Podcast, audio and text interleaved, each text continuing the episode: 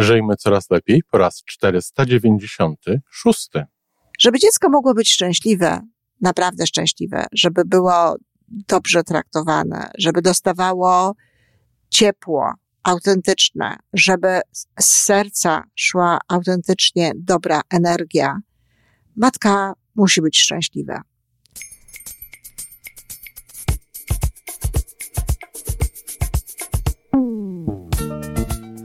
Witamy w kolejnym odcinku podcastu Żyjmy Coraz Lepiej, tworzonego przez Iwonę Majewską Opiełkę i Tomka Kniata.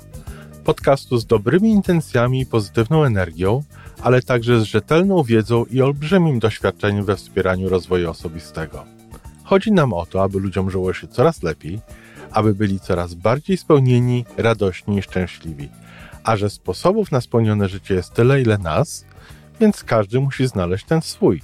Dzień dobry, kochani, w sobotę. Dziś audycja dla y, rodziców z przeznaczeniem oczywiście dla dzieci, po to, aby no, wszystkim w rodzinie żyło się lepiej, ale głównie chodzi mi o to w tej części e, naszego podcastu, żeby to dzieci były szczęśliwe już teraz i w, w przyszłości oczywiście. No a zatem dlaczego tytuł Szczęśliwa Mama? No właśnie dlatego, żeby dziecko mogło być szczęśliwe, naprawdę szczęśliwe, żeby było dobrze traktowane, żeby dostawało ciepło, autentyczne, żeby z serca szła autentycznie dobra energia, matka musi być szczęśliwa. W zasadzie tylko szczęśliwa matka może wychować szczęśliwe dzieci.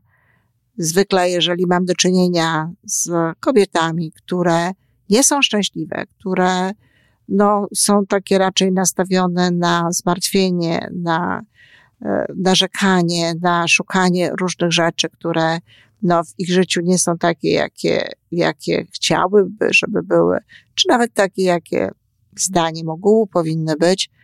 No i rozmawiamy trochę, trochę, bo ja rzadko rozmawiam dużo o przeszłości, to często okazuje się, że mama była osobą niezadowoloną z życia, że mama była osobą nieszczęśliwą. I dlaczego tytuł jest Szczęśliwa Mama, a nie na przykład Szczęśliwi Rodzice? Bo tak jest i pokazują to badania, że dzieci częściej przyswajają sobie interpretację świata, taką, jaką słyszą od matki. Interpretacja świata. No, co to znaczy taka interpretacja świata?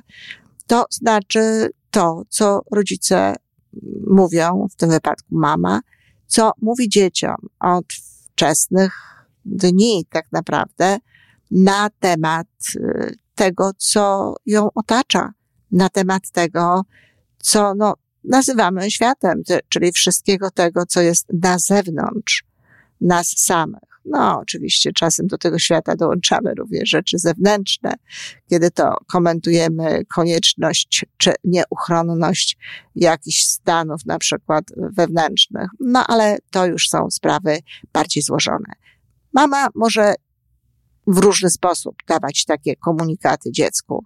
E, między innymi, no, kiedy dziecko jest jeszcze małe, to mama daje takie komunikaty swoją swoimi emocjami, swoją energią, swoim lękiem albo jego brakiem.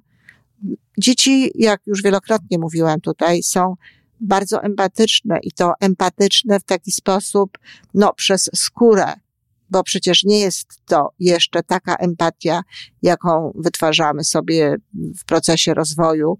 Empatia oparta na procesach y, postrzegania, na, na tym, co widzimy, na tym, jak, jak, jak rozumiemy pewne emocje, pewne uczucia, pewne e, miny i tak dalej. No miny akurat dziecko się uczy rozumieć bardzo szybko, ale dziecko czuje te emocje, no właśnie w taki sposób niemal biologiczny. Ono jest bardzo mocno związane z matką.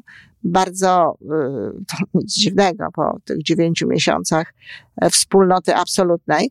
E, I te, dziecko na przykład czuje, kiedy matka jest zdenerwowana, kiedy matka jest niepewna, kiedy matka się boi, a wiele matek no, nie ma właśnie tej pewności, nawet w takich codziennych pielęgnacyjnych zajęciach nie są pewne, czy robią dobrze, nie są pewne, czy są dobrymi matkami, zwłaszcza wtedy, kiedy no, nie uruchomił się u nich jeszcze, czy w ogóle instynkt macierzyński. Ten instynkt macierzyński, wiecie, to jest taka trochę, trochę legenda, trochę mit. E, no, niemniej są matki, które wcześniej czują, jakby e, ten, ten swój związek z dzieckiem, e, no, między innymi oparty na tym, że wiem, co mam robić, wiem, docieram do tej mojej wewnętrznej, nie wiem, macierzyńskości, do tej mojej matki, e, która jest we mnie, a niektóre kobiety mają to później i czasami w ogóle. No, mnie na przykład uruchomiło się to dopiero przy drugim dziecku. Pierwsze dziecko raczej y, wychowywałam na zasadzie, no właśnie tego, co, co wiedziałam, że jest najlepsze, na zasadzie takiego starania się, żeby zrobić właśnie to w taki sposób, no jaki, co tu dużo mówić, korzystałam po prostu z książek. Na szczęście nie było ich dużo i, i były dość jednoznaczne, i w związku z tym łatwo to było jakoś ogarnąć. Autorytetem były dla mnie na przykład e, położne w, w szpitalu, czy, czy lekarz. Ja rodziłam w szpitalu, w którym dziecko miało się przy sobie, co w tamtych czasach było rzadkością, ale jednocześnie można było no, mieć też możliwość właśnie zobaczenia, jak to dziecko jest e, traktowane, usłyszenia lekcji, jak należy to dziecko traktować. No i potem to oczywiście opieka lekarska, która również podpowiadała tutaj pani doktor różnego rodzaju rzeczy. Ale nie miałam w sobie tego instynktu macierzyńskości. Dopiero, dopiero przy drugim moim dziecku, przy Weronice, czułam wewnętrznie, co mam robić i tak, przyznaję, robiłam nieco inaczej niż w wypadku Magdy. Jednak te różnice nie były wielkie. Ale ja się nie bałam ja byłam pewna, ja ufałam tym ludziom. Do mnie nie dochodziło, jak mówię, zbyt wiele informacji, oprócz mamy i teściowej, które próbowały radzić, no ale z całym szacunkiem nie były to niestety dla mnie autorytety. Znaczy niestety, w tym wypadku akurat dobrze. I dlatego, dlatego ten mój spokój powodował potem jeszcze spokój teściowej, która pomagała mi w, w opiece nad dzieckiem wtedy, kiedy, kiedy szłam do szkoły, bo od pierwszego roku studiów miałam już dziecko, to moje dziecko było spokojne. Wiele dzieci jest niespokojnych właśnie z tego powodu, że w mamie coś jest, że w mamie jest no właśnie ta, e, ten lęk na przykład. E, I potem dziecko uczy się takich komunikatów w rodzaju wzdychania. Mamy wzdychają i te wzdychania są wyrażeniem no, ich zmęczenia e, albo ich właśnie takiego nie najlepszego stosunku do świata. To wzdychanie mam jest, e, towarzyszy niektórym dzieciom przez całe życie. Słyszę od dzieci dorosłych oczywiście, takie opowieści o tym, jak to mama na przykład chodziła i oh, wzdychała. A kiedy dziecko pytało, co to, dlaczego tak wzdycha i tak, a nic, nic, dorośniesz, to zobaczysz. No, piękna obietnica i piękna informacja też o świecie. Dla takich dzieci ta informacja, no, często mogła gdzieś podświadomie powodować to, że wcale nie chciały dorosnąć, wcale nie chciały dorosnąć, żeby się dowiedzieć, e, co tam w tym świecie jest. No i cóż, spotykam też takie dorosłe dzieci, które niestety nie są specjalnie dojrzałe właśnie wewnętrznie, no z tego powodu, że bardzo możliwe, że zakodowała im się gdzieś tam w pamięci ta, no nie bójmy się tego słowa, przestroga matki przed światem. Niewyrażona wprost, niewyrażona konkretnymi słowami, ale jednak. I dlatego to szczęście mamy jest takie ważne. Dlatego tak ważne jest, żeby mama y, była radosna, żeby mama była spełniona. Y, z, z, takiego lęku często, z obaw wynika to, że matki całkowicie poświęcają się swoim dzieciom. Całkowicie. Jeśli mówię całkowicie, to mam na myśli naprawdę całkowicie. Wszystko, co jest robione, co jest w domu, jest podporządkowane dziecku, jest podporządkowane e, jego e, no, autentycznym, i to jest w porządku, ale też wyimaginowanym bardzo często potrzebom mamy czy potrzebom rodziców. I e, matka jak gdyby odstawia siebie na drugi plan. Oczywiście często y, wybierają y, zupełnie niepotrzebnie całodobową opiekę nad swoimi dziećmi do kilku lat, rezygnując do kilku lat tych dzieci, rezygnując na przykład z pracy zawodowej, którą lubiły. Bo oczywiście, jeżeli ktoś ma pracę zawodową, która nie jest jakąś jego specjalną pasją, a miał to szczęście, że miała to szczęście, że urodziła dziecko w, w takim właśnie no, stanie już tej, tej świadomości, tej, tego, tego poczucia macierzyństwa i tej, tej intuicji, to oczywiście mm, ta przyjemność bycia mamą, bycia, zajmowania się tutaj mamą, e, jest, jest warta spróbowania. Lepiej zajmować się z miłością i z radością dziećmi, niż chodzić do pracy, zostawiać te dzieci.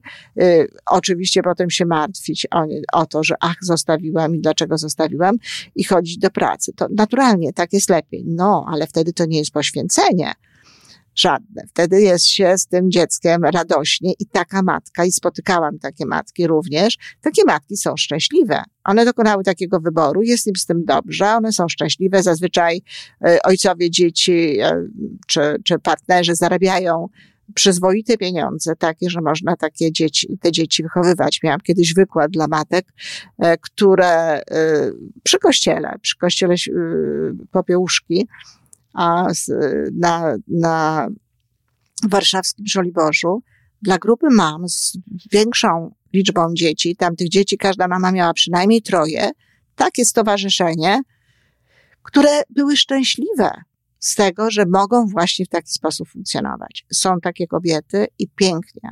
I pełna, pełna zgoda i poparcie dla tego rodzaju funkcjonowania. Ale nie wszystkie kobiety są takie.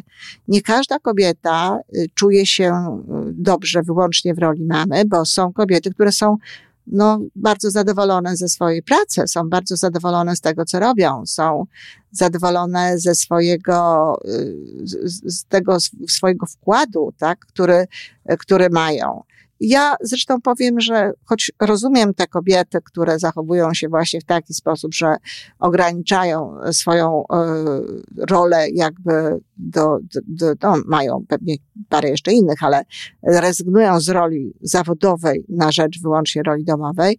Y, powiem szczerze, że przestrzegam trochę takie mamy przed tym, że no teraz jest pięknie, dlatego że te dzieci dostarczają nam wrażeń, dostarczają nam naprawdę przygody, bo przecież patrzeć na rozwijające się dzieci, obserwować, co się dzieje, to naprawdę jest przygoda. Ale przyjdzie taki dzień, że te dzieci będą chciały wyjść z domu i nie zawsze powrót na rynek e, zawodowy związany, no szczególnie z tym zawodem, który, który był nasz, no będzie wtedy taki łatwy. I wtedy te matki, no nie, nie są takie, e, takie zadowolone z życia, nie są takie szczęśliwe i bardzo często próbują w dalszym ciągu tutaj matkować swoim dzieciom według tego wzoru, jaki znają. Czyli no co tu dużo mówić, wtrącają się zbyt silnie w ich życie wtrącają się zbyt silnie w to, co one robią, albo czują się odrzucone, czują się niepotrzebne, jeżeli, jeżeli dzieci radzą sobie same, dorosłe dzieci zaznaczam, radzą sobie same dobrze. A zatem ja uważam, że każda kobieta powinna e, w taki sposób funkcjonować, żeby jednak znaleźć jakiś sposób na takie własne realizowanie siebie w życiu społecznym, które bardzo często związane jest najczęściej i, i, i najłatwiej poprzez pracę zawodową.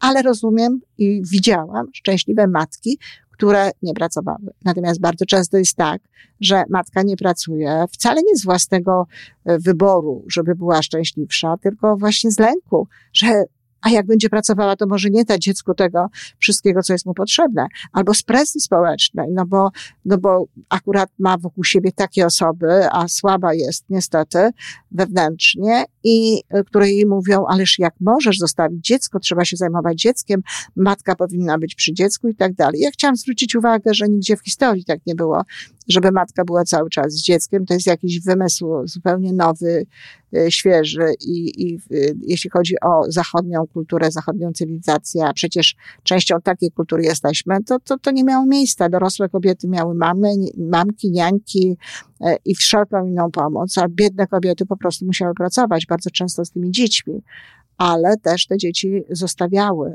e, nie wiem, pracując w polu, zostawiały je gdzieś e, na boku i tak dalej. Więc nie ma takiej tradycji, nie ma takiej historii. Bardzo często te osoby, które były, które teraz tak bardzo chcą e, być z tymi dziećmi, ale jak mówię, nie, nie z powodu wewnętrznej potrzeby, tylko z powodu takiego nakazu, jakby społecznego matki.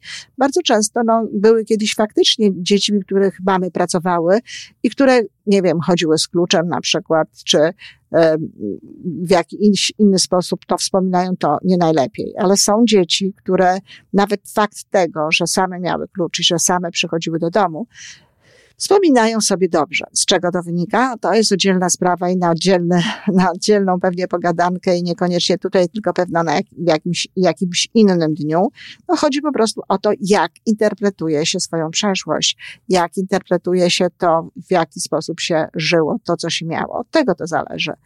No i wracając do tej szczęśliwej mamy, więc mama szczęśliwa oczywiście y, jest również wtedy, kiedy jest kochana Czyli na przykład e, pytanie o to, co może zrobić ojciec dla swoich dzieci, aby one były szczęśliwe, no ma bardzo prostą odpowiedź. No, kochać ich matkę.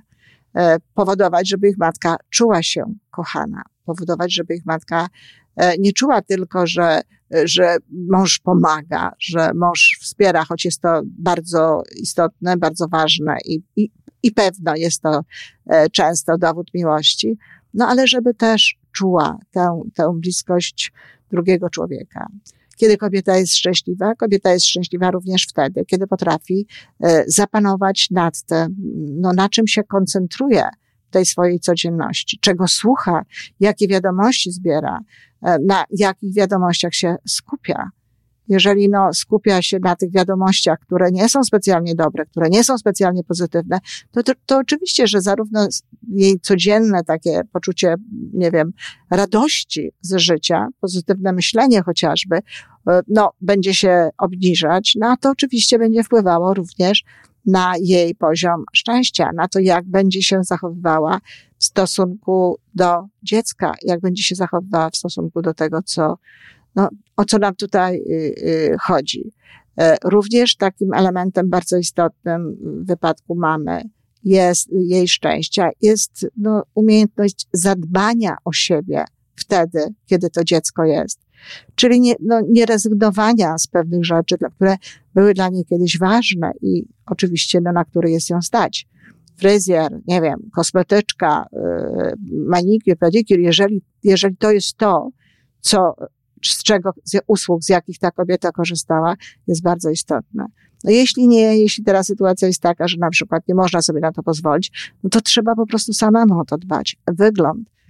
No, nigdy nie zapomnę obrazu mojej y, sąsiadki, która mieszkała naprzeciwko mnie w bloku. Mama jej pomagała, mama się zajmowała w dużym stopniu y, dzieckiem. Naprawdę miała dziewczyna czas na to, żeby zadbać o siebie.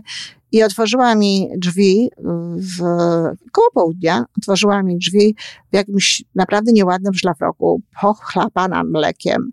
E, tak to wyglądało w każdym razie jak mleko. W dosie miała jakieś takie waciki. Zapytałam, co to jest. Powiedziała, że to jest okcytocyna, która powoduje, że tam lepiej jej spływa to mleko.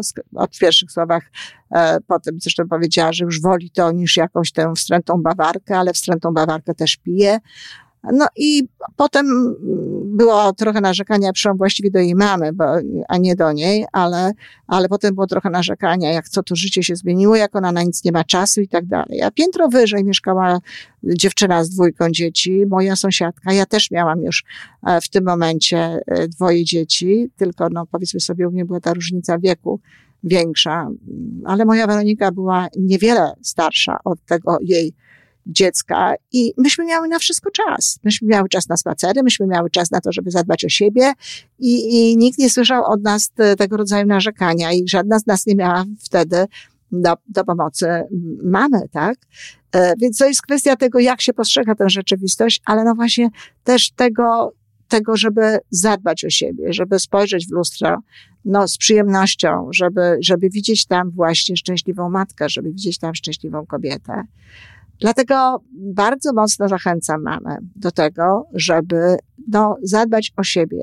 Zadbanie o siebie, zwłaszcza to takie wewnętrzne, no, pracowanie właśnie nad poczuciem własnej wartości, nad tym, jak się buduje myślenie pozytywne, no, nad, nad takimi ćwiczeniami i nauką pewnej proaktywności, nad docenianiem tego wszystkiego, co się ma, czyli poczuciem obfitości. Bardzo mocno zachęcam do tego, dlatego, że to daje siłę i to daje po prostu w konsekwencji szczęście w życiu. I to jest robota dla naszych dzieci. Moja współpracowniczka, razem prowadzimy, prowadzić będziemy kurs trenerski od października. Monika Tusińska organizuje w Puławach kursy od kilku lat, kursy, które nazywa Szczęśliwa Mama.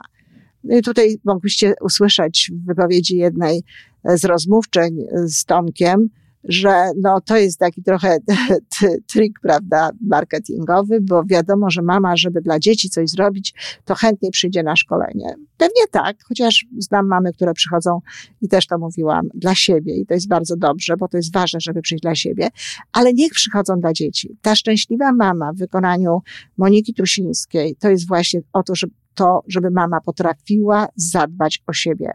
Żeby mama potrafiła za, zadbać o to, by w konsekwencji mogła dawać dziecku szczęście. To bardzo ważna sprawa. Nie miejcie, kochane, wyrzutów sumienia, jeżeli na przykład sięgacie po szkolenia, po jakieś konsultacje, czy jakieś inne, no, takie sposoby właśnie zadbania o to swoje wnętrze, zadbania o siebie od środka, o, o to, żeby mieć więcej siły. To naprawdę nie jest tylko dla Was. To jest dla całego otoczenia. No a jeśli jest się matką w życiu, no to przede wszystkim dla matki i w konsekwencji dla tych dzieci. Tak, to bardzo ważne, żeby dzieci były szczęśliwe, muszą mieć szczęśliwą mamę. Potem, jeśli tak nie jest, potem będą się musiały uczyć tego samodzielnie. Same będą się musiały uczyć, no, jak być szczęśliwym i będą musiały również nauczyć się właściwie zinterpretować swoje dzieciństwo. A po co mają interpretować, jeśli mogą to dzieciństwo mieć takie, które da im potem właśnie ten start w szczęście zdecydowanie lepszy. Dziękuję bardzo. I to wszystko na dzisiaj. Podcast Żyjmy Coraz Lepiej jest stworzony w Toronto przez Iwonę Majewską-Opiełkę i Tomka Kniata. Sześć razy w tygodniu przygotowujemy dla Was nowy, ciekawy odcinek. Jeżeli lubisz nas słuchać, to prosimy o reakcję. Polub nas, skomentuj, tak jakbyśmy sobie po prostu rozmawiali. Zapraszamy do darmowej subskrypcji. Jesteśmy dostępni na każdej platformie, gdzie można słuchać podcastów. Wystarczy nas tam poszukać. A po więcej informacji zapraszamy na stronę www.majewska-opiełka przez l.pl. Jesteśmy też na Facebooku i na Instagramie. Jeżeli uważasz, że nasze podcasty pomagają Ci w Twojej drodze do jeszcze lepszego życia, to proszę, przedstaw nas swoim przyjaciołom. Do usłyszenia.